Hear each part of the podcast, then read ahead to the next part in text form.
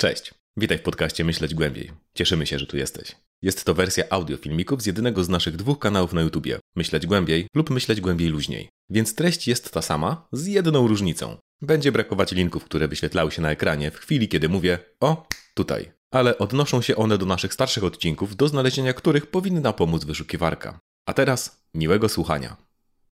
Być może zauważyłeś już to, że liberalna demokracja wydaje się być, no, w odwrocie. Może zastanawiasz się, czy to już faszyzm, czy jeszcze nie. Jedną z odpowiedzi jest pięć etapów faszyzmu w wizji historyka Roberta Paxtona, które omawialiśmy o tutaj. Ale dobrze, to historia, a Ciebie zapewne interesuje teraźniejszość, czy nawet przyszłość. Innymi słowy, jak żyć? Wziąć kredyt, mieć pracę. To znaczy, że potrzebujesz książki Jak działa faszyzm amerykańskiego filozofa komunikacji Jasona Stanleya. Opisuje 10 filarów faszyzmu i została wydana w 2018 roku, czyli względnie niedawno. Mimo tego, że ma numerki, nie jest to książka, która będzie jakimś, nie wiem, psychotestem dla partii politycznych, że jeśli wyjdzie więcej niż 80 punktów, to masz łagodne tendencje faszyzujące, a jeśli więcej niż 160 punktów, to masz zaawansowany faszyzm i musisz natychmiast skonsultować się ze specjalistą. To raczej próba wyobrażenia sobie, na czym opierają się zalążki faszyzmu przyszłości, który to, naszym zdaniem, bez wątpienia nadejdzie, bo wraz z nastaniem ery polityki masowej, faszyzm to po prostu ryzykowny, ale opłacalny sposób korzystania z emocji, kłamstwa i krótkowzroczności. A kiedy mówimy opłacalny, to mamy na myśli, że faszyzm opłaca się wąskiej grupie ludzi, a tracą prawie wszyscy, zwłaszcza ci, którzy myśleli, że zyskują. Tak było w latach 20. XX wieku, tak jest w latach 20. XXI wieku.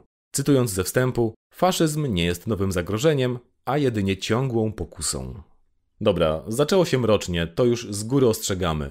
To nie będzie lekkie wideo. Nie dlatego, że zamierzamy to opisywać jakieś potworności, choć znajdą się wątki nieprzyjemne, a głównie dlatego, że książka Stanleya jest kubłem zimnej wody dla ludzi, którzy myślą, że zło się skończyło dawno temu, a teraz żyjemy w najlepszych czasach. Innymi słowy, jeśli chcesz wiedzieć o co się te lewaki czepiają, to dobra książka i dobre wideo. Zwłaszcza, że Stanley nie ustawia się po lewej stronie, a zwyczajnie po stronie statusu quo i państwa liberalnego. Po prostu dostrzega on też zagrożenia i traktuje je na poważnie. Podchodzi też do nich w ciekawy sposób, bo zamiast skupiać się na zmianach strukturalnych w państwie, jak wielu innych badaczy, analizuje to, co do nich prowadzi, czyli retorykę faszystowską. Książka Stanleya ma dwa duże plusy. Pierwszy plus to, że dotyczy tego, co Stanley określa mianem polityki faszystowskiej, na którą należy uważać, nawet jeśli nie doprowadzi do pełnego faszyzmu. Taka polityka skupia się wokół podziałów etnicznych, religijnych czy narodowych jest o wiele głębszą analizą niż lamenty oświeconych centrystów nad rosnącą polaryzacją polityczną. Czyli czemu ludzie w ogóle kłócą się o to, ilu ludzi powinno umrzeć w pandemii czy na granicy, albo kto nie jest w pełni człowiekiem, zamiast racjonalnie to ustalić. Drugi plus to, że Stanley jest znany ze swojej książki How Propaganda Works, czyli jak działa propaganda, więc jest o wiele bardziej skupiony na stronie filozoficznej i retorycznej. Innymi słowy, jeśli chcesz wiedzieć, kogo nazywać faszystą, to zobacz nasze wideo o Paxtonie. Ale tamta perspektywa jest napisana jakieś 70 lat po szkodzie.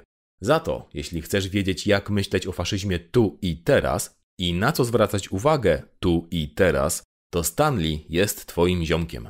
Trzeci z tych dwóch plusów jest taki, że sama książka jest też bardzo przystępna i nawet została wydana po polsku w czasie naszych prac nad tym wideo. Zawiera też dużo przykładów, które musieliśmy pominąć. A jak już mowa o omijaniu, to to wideo będzie miało dwie części. Pierwsza skupi się na rdzeniu, czyli na rozumieniu prawdy i rzeczywistości i omówi te ciekawsze filary do czwartego włącznie. W kolejnej skupimy się na detalach retoryki faszystowskiej. A i jeszcze jedna uwaga. Będziemy tutaj używać słowa faszysta w sposób podobny do Stanleya, czyli jako opis kogoś, kto posługuje się tego typu retoryką. Wiemy, że są ludzie, dla których to najważniejsza kwestia w życiu i według nich lewica wszystko nazywa faszyzmem, Na przykład bronią Trumpa, że to po prostu konserwatysta i patriota. No on po prostu popierał zamach na legalnie wybraną władzę w oparciu o teorię spiskową, której nie był w stanie uzasadnić przez rok. Tak w ogóle to zamach się nie udał, więc się nie liczy. A tak naprawdę to nie był zamach, tylko prowokacja Antify. A sądy i media to ukrywają, bo znajdują się pod kontrolą elit, które chcą pokonać naszego przywódcę, bo on jako jedyny ma siłę, aby przeciwstawić się globalistycznej elicie Illuminati. Albo to, co się dzieje na granicy polsko-białoruskiej, też nie jest faszystowskie. Polska po prostu ignoruje rozwiązania dyplomatyczne, aby dać pokaz siły i zjednoczyć naród w obliczu inwazji wrogich cywili. A że przyczynia się do śmierci jakichś tam brązowych ludzi, to no oni sami są sobie winni. W końcu nasz kraj przede wszystkim musi zabezpieczyć byty dla swojego ludu i przyszłość dla biał... polskich y, dzieci. W każdym razie, jeśli dla takich osób ważniejsze jest nieużywanie słowa faszyzm niż przyglądanie się faszyzmowi, to chyba jest ten moment, kiedy warto przyjrzeć się bliżej temu, jakie mają sojusze i jakie cele. Dobra, czas na mięsko, czy tam soję. Najpierw przyjrzymy się w kilku zdaniach, o co w tych dziesięciu filarach chodzi. Oddajmy głos Stanleyowi. Politycy faszystowscy motywują swoje działania, zaburzając istniejące narracje historyczne i konstruując przeszłość mityczną, podpierającą ich wizję teraźniejszości. Modyfikują funkcjonujące w narodzie postrzeganie rzeczywistości, wypaczając pojęcia przez propagandę i antyintelektualizm, oraz atakując system edukacji i uniwersytety, które mogłyby zakwestionować ich linię ideową. Wszystko to pozwala wytworzyć stan odrealnienia, w którym teorie spiskowe i tzw. Tak fake newsy zastępują racjonalną debatę. Zaburzając postrzeganie rzeczywistości, polityka faszystowska tworzy podatny grunt dla niebezpiecznych fałszywych przekonań. Jej pierwszym celem jest tworzenie pozorów naturalnego charakteru różnicującego grupy, czyli naukowej podstawy dla hierarchii ludzkiej wartości. Gdy społeczne klasyfikacje i podziały się utrwalą, strach zastępuje wzajemne zrozumienie pomiędzy grupami. Dowolne działanie na rzecz grupy mniejszościowej rozbudza mentalność ofiary w grupie dominującej. Polityka praworządności przyciąga masy, sytuując nas w pozycji dobrych obywateli, a ich w przeciwnej, w roli anarchistycznych przestępców których postępowanie jest śmiertelnym zagrożeniem dla narodu. Także niepokój związany z seksualnością wykorzystywany jest często w polityce faszystów wobec zwiększającej się równości płci, zagrażającej patriarchalnej hierarchii. Wraz z rosnącym strachem przed nimi, my zaczyna konotować wszystko co dobre. My żyjemy w sielskim mateczniku, w którym czyste wartości i tradycje narodowe szczęśliwie przetrwały, mimo kosmopolitycznego zagrożenia pochodzącego z metropolii od imigranckich hord rozzuchwalonych przez tolerancję liberałów. My ciężko pracujemy, a uprzywilejowaną pozycję zapewniły nam zmagania i zasługi. Oni są leniwi, żyjąc z naszych dóbr, wyzyskując szczodrość systemu pomocy społecznej lub wykorzystując wypaczone instytucje, takie jak związki zawodowe, które ograbiają pracowitych obywateli z zasłużonego wynagrodzenia. My wytwarzamy, oni biorą. Więc jak widzicie, w tych filarach ciekawe jest to, jak wzajemnie się wspierają i jak są elementami jednego systemu myślenia, a nie są tylko zewnętrznymi przejawami systemu politycznego, jak militaryzm czy jednopartyjność. To teraz przyjrzymy się każdemu po kolei. To co? Jedziemy? Jedziemy. Przeszłość mityczna. A, przeszłość. Konserwatyści patrzą na nią jako na źródło tego, co sprawdzone. I choć zazwyczaj ją romantyzują i postrzegają ją przez różowe okulary, to i tak to light w porównaniu z podejściem faszystów. Dla tych przeszłość jest przede wszystkim narzędziem. Stanley cytuje przemowę Mussoliniego. Stworzyliśmy nasz mit. Mit jest wiarą, pasją. Nie jest konieczne, aby był rzeczywistością. Naszym mitem jest naród, naszym mitem jest wielkość narodu i temu mitowi, tej wielkości, którą chcemy przełożyć na rzeczywistość totalną, podporządkowujemy wszystko. Tu widzimy dwie cechy faszystowskiej mitycznej przeszłości. Po pierwsze, nie musi mieć nic wspólnego z rzeczywistością. To nie jest wyidealizowana historia, która pomija niewygodne fakty, tylko baśń stworzona od podstaw, gdzie fakty służą co najwyżej jako ozdobniki. O, tu wikingowie, tam Rzymianie, Spartanie czy husaria. Po drugie, mit ma motywować do działania i zmieniania teraźniejszości. Tu jest różnica między faszystami a konserwatystami. Ci drudzy zazwyczaj są gotowi zachować to, co było, a nie spieszy im się do, no, rewolucji. Natomiast podejście faszystów nazywamy reakcjonizmem. To zburzenie aktualnego porządku, aby wrócić do tego, co było kiedyś. Tyle, że faszyzm to jest taki reakcjonizm na sterydach i srogiej amfie, bo on sam wymyśla sobie tę przeszłość, do której to niby chce wrócić. Innymi słowy, faszystowski mit istnieje po to, aby zmieniać rzeczywistość. Jakie są cechy takiego mitu? Mamy naród zjednoczony i czysty, rasowo, religijnie czy kulturowo, który jest poddany mądrym władcom i gdzie każdy zna swoje miejsce. Kluczowe elementy tego mitu to autorytaryzm, hierarchia, czystość i walka. Ważnym elementem takiej przeszłości jest rodzina. Oczywiście patriarchalna. Ojciec, przywódca zarabia na chleb i broni. Matka rodzicielka siedzi w kuchni i wychowuje dzieci, a dzieci, oczywiście posłuszne rodzicom, pląsają sobie na łąkach z kwiatkami we włosach. No i oczywiście na ojca się nie głosuje, bo on sprawuje swoją władzę siłą, a siła oraz pokora wobec siły to podstawowa cecha faszystowska. Ten model rodziny jest ważny, bo jest narodem w skali mikro. W końcu wódz narodu to taki jego ojciec. I dlatego faszyzm jest tak antyfeministyczny i przeciwny rozwodom czy mniejszościom seksualnym, bo one właśnie pokazują, że z tą rodziną to jednak tak jakoś nie do końca. Ona nie zawsze działa. Z podobnych względów faszyści sprzeciwiają się aborcji. I zgadnijcie, jaki kraj podaje tu Stanley za przykład. Hmm. Nie wiem. W każdym razie, o ile antyfeminizm nie jest sam z siebie faszystowski, o tyle współczesne faszyzmy są antyfeministyczne. Ważne jest też to, w jaki sposób faszyści chronią kobiety.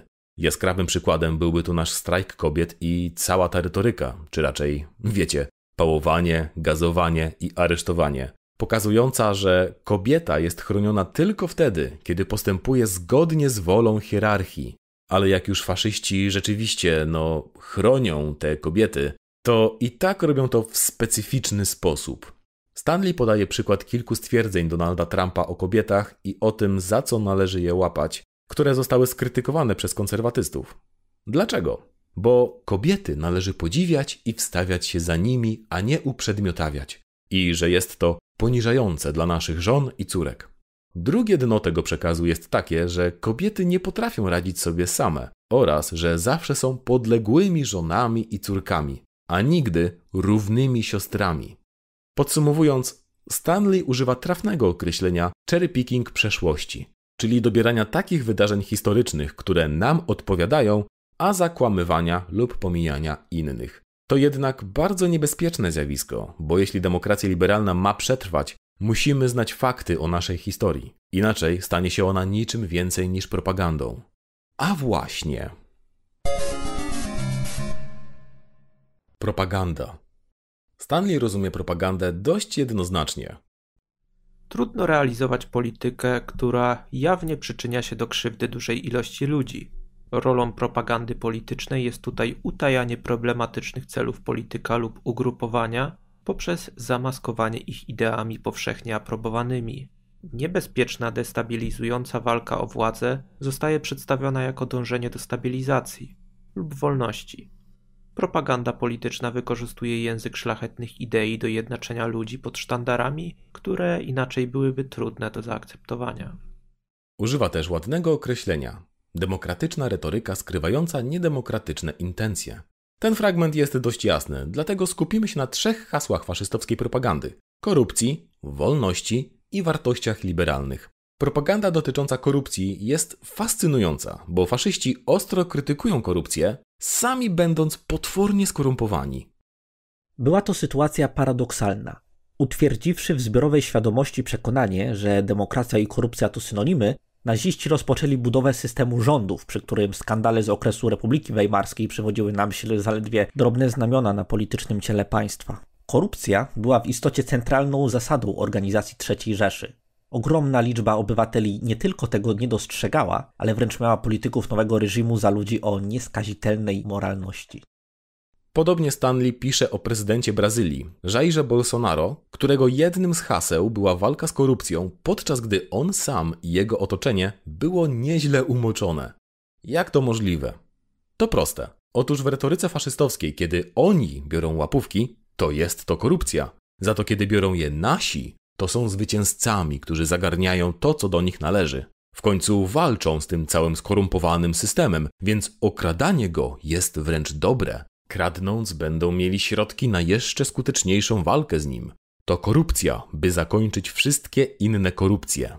Podobnie ma się sprawa z rozmontowywaniem władzy sądowniczej. Faszyści nie chcą mieć nikogo, kto patrzy im na ręce, gdy realizują swoje pokrętne interesy, więc mówią: Patrzcie na tych sędziów. Oni nie mają nikogo, kto patrzy im na ręce, gdy realizują swoje pokrętne interesy.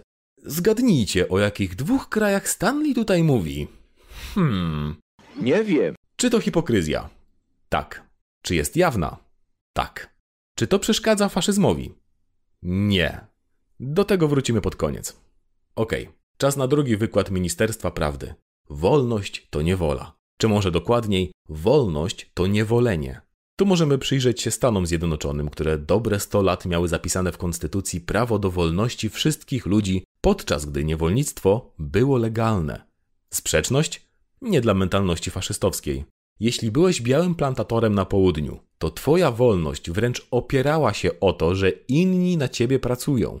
No, co prawda, tę pracę owszem można by nazwać niewolniczą, ale jakby każda rasa ma swoje kategorie. No i przecież ci czarni na plantacji i tak mają więcej wolności niż tam u siebie w Afryce. Nie?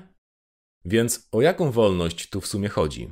Ano wolność do odbierania wolności innym. Podobnie było wykorzystywane hasło prawa stanów, o które rzekomo toczyła się wojna secesyjna i dalsze spory.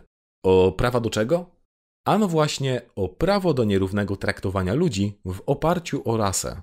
Czyli jeszcze raz, wolność to niewola, a dokładniej wolność to prawo do niewolenia. Inny, jeszcze ciekawszy przykład traktowania to Hitler piszący w Mein Kampf o prawdziwej germańskiej demokracji, gdzie to naród miał wolność wyboru swojego reprezentanta, który sprawował absolutną władzę i miał za to absolutną odpowiedzialność. Po czym nie było już dalszych wyborów. Wolność? Tak, ale tylko w celu odebrania wolności. Nie jest lepiej z hasłem wolności słowa. Cytując ministra propagandy III Rzeszy, Józefa Goebbelsa, na zawsze pozostanie to jednym z najlepszych żartów demokracji. Sama podarowała ona swym śmiertelnym wrogom narzędzia, którymi ją później zniszczono.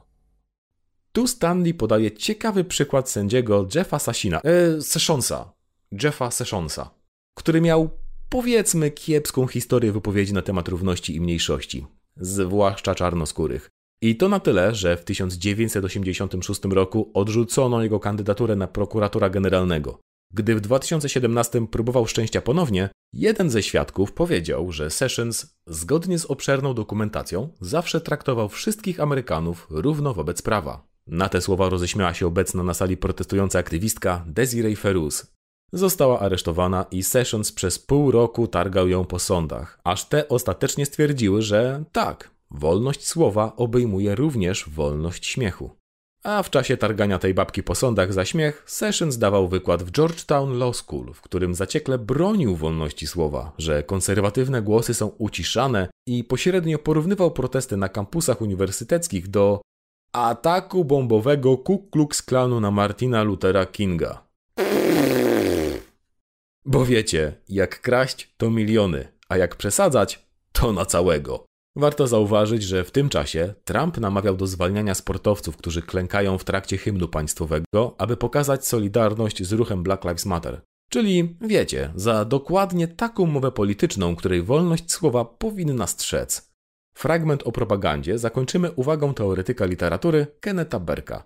Choć mówi się, że propaganda faszystowska opiera się na irracjonalności i emocjach, to Hitler w Mein Kampf odwraca tę kolejność. Mówi, jak to jego słaba emocjonalność chciała wierzyć w takie wartości jak równość, braterstwo i inne ideały epoki oświecenia, ale zwyciężył rozum, który zobaczył, jak to jest naprawdę i zaorał te przekonania faktami i logiką, że życie to walka o przetrwanie.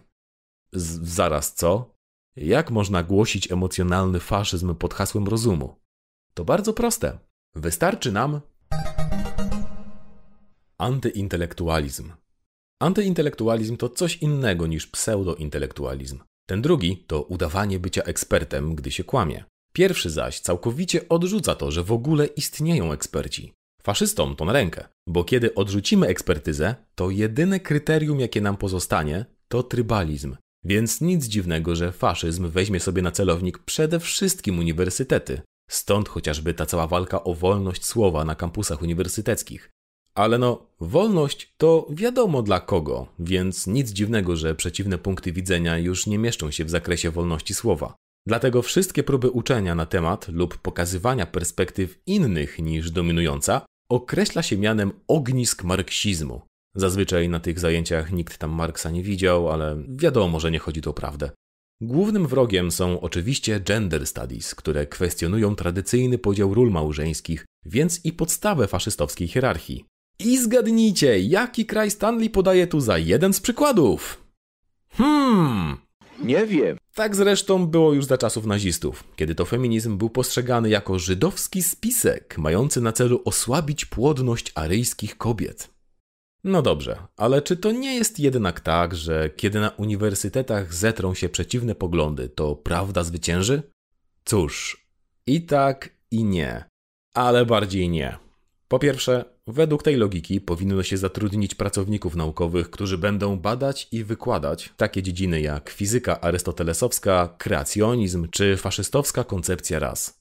To oczywiste marnowanie czasu i zasobów i to tylko spowolniłoby postęp nauki.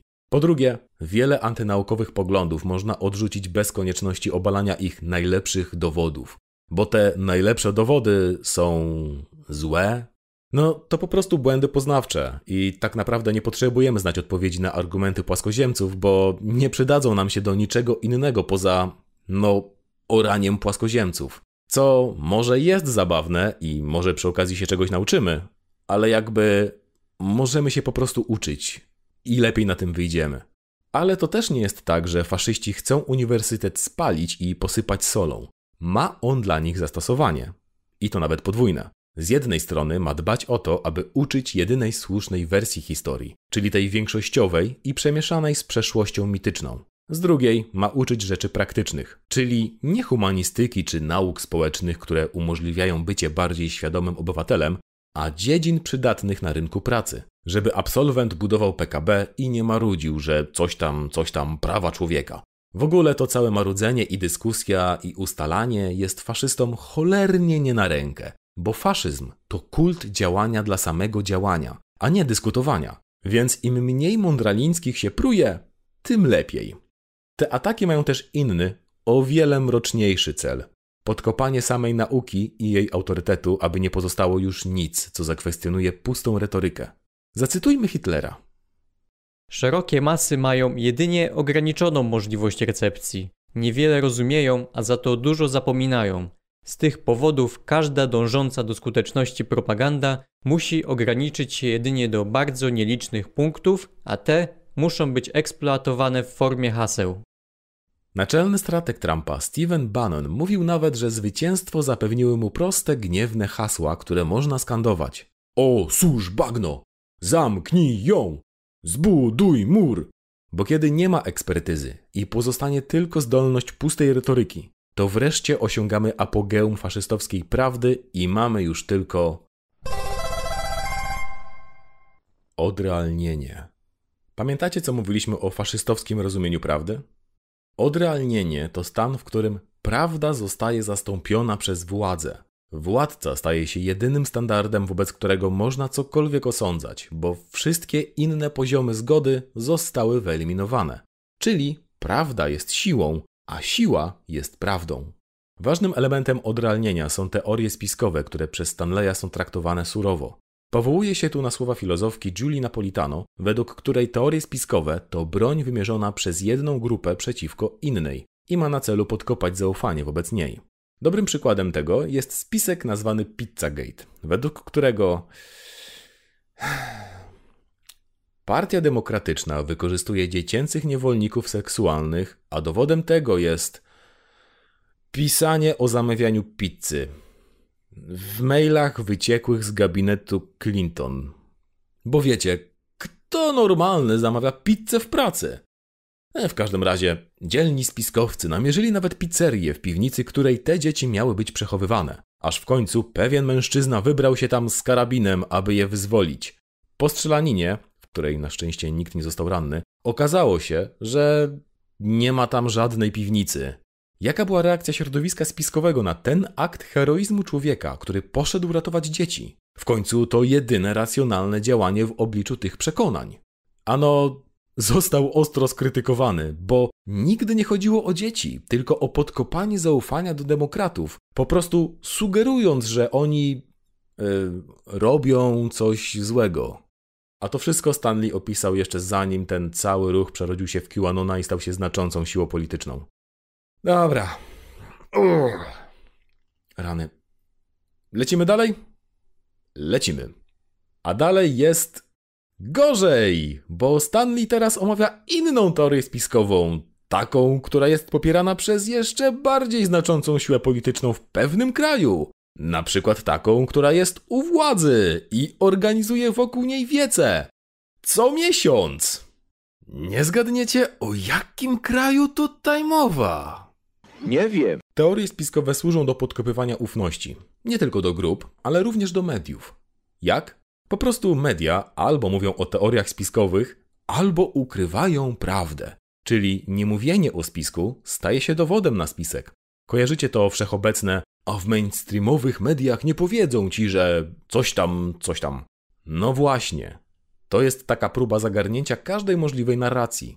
Czyli, drogie medium, jak się zgadzasz ze spiskiem, to jesteś mu przychylne, a jak się z nim nie zgadzasz, to jesteś przekupiony przez elity, a jak o nim nie mówisz, to znaczy, że nawet boisz się go poruszyć. Zanim zostawimy spiski, to musimy zwrócić uwagę na jeszcze jedną rzecz. Rolę spisków na wolnym rynku idei. Czy to nie powinno być tak, że ideę należy ze sobą skonfrontować, tak aby wygrała najlepsza? Cóż, może i powinno, ale nie jest. I to z dwóch powodów. Po pierwsze, takie podejście zakłada, że ludzka komunikacja odbywa się tylko na poziomie intelektualnym, gdy tak naprawdę duża część retoryki przemawia do emocji. Czyli, że jeśli próbujesz racjonalnie rozbroić podstępny argument opierający się na lęku czy nienawiści, to jakbyś próbował, cytując, w pojedynku na pistolety używać ulotki.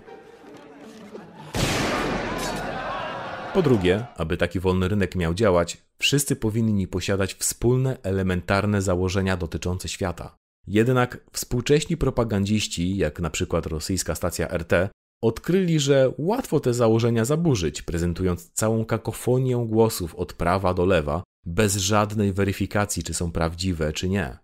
Aż w pewnym momencie widz odniesie wrażenie, że rzeczywiście każdy gada jak mu wygodnie.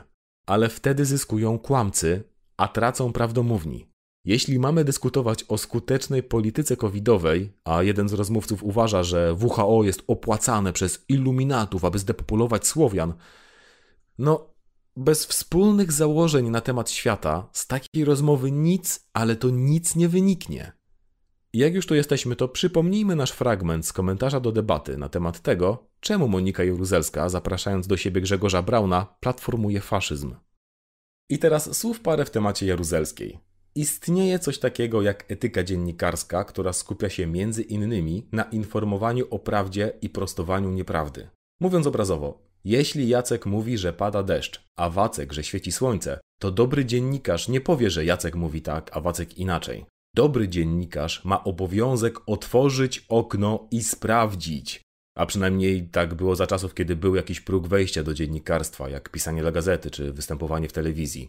Teraz każdy może stworzyć sobie własną markę, której częścią może być takie właśnie zezwalanie innym na mówienie kłamstw, bo to przecież takie odważne i dzielne. To oni mówią kłamstwa, a ja nie. Ja tylko kiwam głową i im na to pozwalam.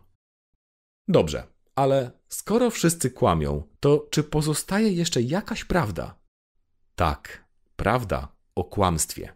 Faszystowski polityk może jawnie stanąć po jednej ze stron tego podziału i powiedzieć: Tak, my, katolicy, jesteśmy po prostu lepsi i nie będziemy bawić się w fałszywą tolerancję, jak ta druga strona, bo oni, wiecie co, ja wam powiem wprost, oni nas nienawidzą jeszcze bardziej niż my ich. Ale ubierają to w język politycznej poprawności i gadają coś tam o tolerancji, a tak naprawdę chcą nas po prostu zniszczyć. I znów mamy sytuację, w której wszyscy są równani w dół, że kłamią, ale wtedy ten kłamca potrafi wyjść na szczerego, bo on właśnie to odkrywa te rzekome manipulacje drugiej strony. I to jest już to apogeum faszystowskiego odrealnienia, kiedy nie istnieje nic poza retoryką, wrażeniami i siłą. Innymi słowy, nic poza przywódcą. Co nam z tego? Okej, okay, tu już zostawmy Stanleya i podsumujmy to, co naszym zdaniem tak genialnie ujmuje w tej książce. Opis faszystowskiego rozumienia prawdy, które jest takie, no, społeczno-darwinistyczne. Prawdą jest wszystko to, co pomaga mojej grupie zdobyć dominację nad innymi. Żadne inne kryterium się nie liczy. Dawno, dawno temu pan S. rozmawiał z jednym turbosłowianinem, który świetnie to ujął. Pisał mniej więcej tak. Świat to miejsce walki dobra ze złem, a ja staję po stronie dobra. Nie oszukujmy się, taka dyskusja to też walka. Wiesz, ja rozumiem, że ty masz tutaj swoje badania i linki, ale bądźmy szczerzy. W dyskusji nie idzie o prawdę, tylko o to, aby udowodnić, że ma się rację używając wszelkich środków. Więc gdybyś myślał odwrotnie, to miałbyś inne badania, inne linki i inną prawdę. Gdybyś był moderatorem, to pewnie wycinałbyś moje wypowiedzi, aby siebie pokazać w jak najlepszym świetle. Ale przynajmniej ja mówię otwarcie o tej walce, a nie ubieram tego w szatki obiektywizmu. Innymi słowy, gość opisał Stanleya na długo przed Stanleyem. Każda dyskusja jest retoryką, wszystko jest walką. I to daje olbrzymią przewagę faszystom w przypadku nieprzygotowanych ludzi. Element szoku, kiedy ci kłamią bezpośrednio. Tu świetnymi przykładami są Putin i Trump, którzy nawet złapani na kłamstwie po prostu mówią, że było inaczej, że nigdy tego nie powiedzieli, albo że to rozmówca pewnie kłamie. Tak, faszyści są hipokrytami, ale wytykanie im tego mija się z celem, jeśli mówimy do faszystów. Jeśli ktoś ma podejście, o, pokażę mu hipokryzję i gotowe, zaorane, to srogo się rozczaruje. Zaorane będzie tylko dla tych ludzi, którzy rzeczywiście uznają jakąś prawdę ponad trybalizm. Oczywiście nadal warto wypominać hipokryzję, ale mając świadomość, że tę pokazaną hipokryzję nadal należy rozegrać retorycznie bo weszliśmy w świat odrealnienia. Czy to znaczy, że rzeczywiście faszyści mają rację? Że mówienie prawdy to też forma retoryki, która ma przekonać naszych? Na szczęście nie. Stan odrealnienia nie jest czymś danym człowiekowi, a wymaga olbrzymiej roboty ze strony faszystów, czyli wprowadzenia tych czterech filarów. Tak naprawdę nasi mają gigantyczną przewagę liczbową, bo są to ludzie, którzy jednak wierzą w rzeczywistość, i na poziomie filozoficznym to jest kluczowa różnica między retoryką faszystowską a zwyczajną manipulacją polityczną. Ta druga dalej będzie po prostu koloryzować lub zakrzywiać rzeczywistość, ale nadal będzie uznawać jakąś prawdę, jakąś naukę i jakieś autorytety poza siłą, retoryką i przywódcą. Na koniec chcemy dodać jedno uściślenie. Faszyzm, czy to w wydaniu paxtonowskim, czy stanleyowskim, jest procesem, który następuje w wyniku upadku demokracji. Faszyzmem nie będzie sytuacja, w której następuje przewrót wojskowy i zostanie wybrany jeden przywódca, którego słowo jest prawem, a każdy, kto się nie zgadza, zostanie przez tajne służby wysłany do obozu.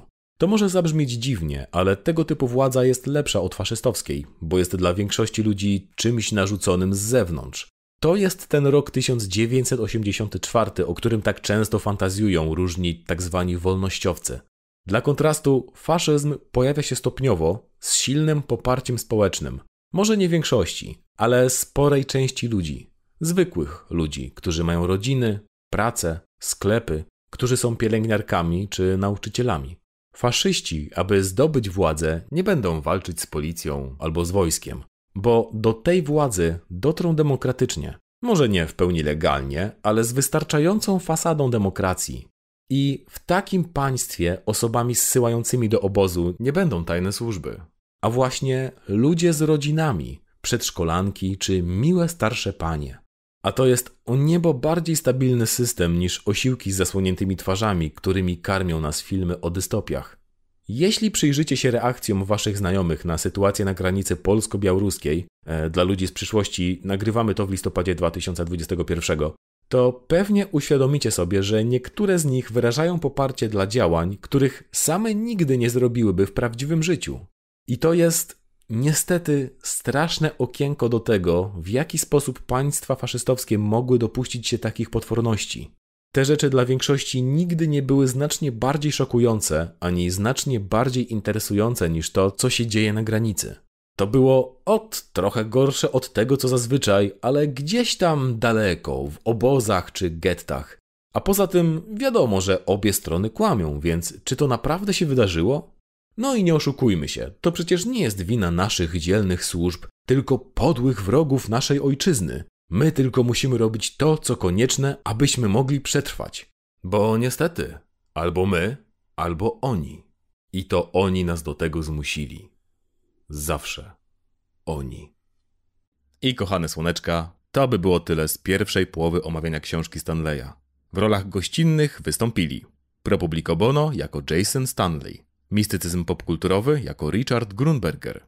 Swoją drogą, historia społeczna III Rzeszy, fajna książka, polecamy. Oraz chłopaki z FTB, czyli faszy... filozofia, tak, bardzo. W rolach Hitlera, Goebbelsa i Mussoliniego wystąpili odpowiednio Michał Idasiak, Pylep Bylej i Michał Rams-Ługowski. Czytał Łem ja, Krystyn Czubówny. Żartowałem. Pan narrator. A wy jak się trzymacie? Daliście radę? Jak wrażenia? Zostawcie nam w komentarzach, co wam na serduszkach leży. Przy okazji możecie polubić to wideo i podesłać je znajomym. W ogóle na pewno zauważyliście zmianę w moim głosie. Może jego barwie? Jakości?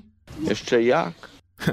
Jest to zasługą naszego nowego sprzętu audio, w który się zaopatrzyliśmy dzięki tym cudownym osobom, a między innymi to Adam Bonusiak, Adam Kępiński, DDDDDDDDD, Elżbieta Zofia, Jean, Grzegorz Wiśniowiecki, Gami, Janusz Grażyński, Konrad Wawrowski, Kowi BZ, Król i Królik, Loken, M. Tomek, Małgorzata Sajnok, Mariusz Wo, Towarzysz Wiesław, Michał Piotrowski, Mordechaj Gumibaum, Nulenstein, Ouli, Patrycja, Paweł Litwinowicz, Praptak, Rafał Podgórski, Sachi, Sushi, Szymon Piotrowski oraz Wodzu Metal. Jeszcze raz, dziękujemy Wam, że nas wspieracie i że dzięki Wam mogę teraz brzmieć głębiej. No dobra, to było suche. No nic. Słyszymy się w kolejnym odcinku, więc do następnego odcinka. Trzymajcie się.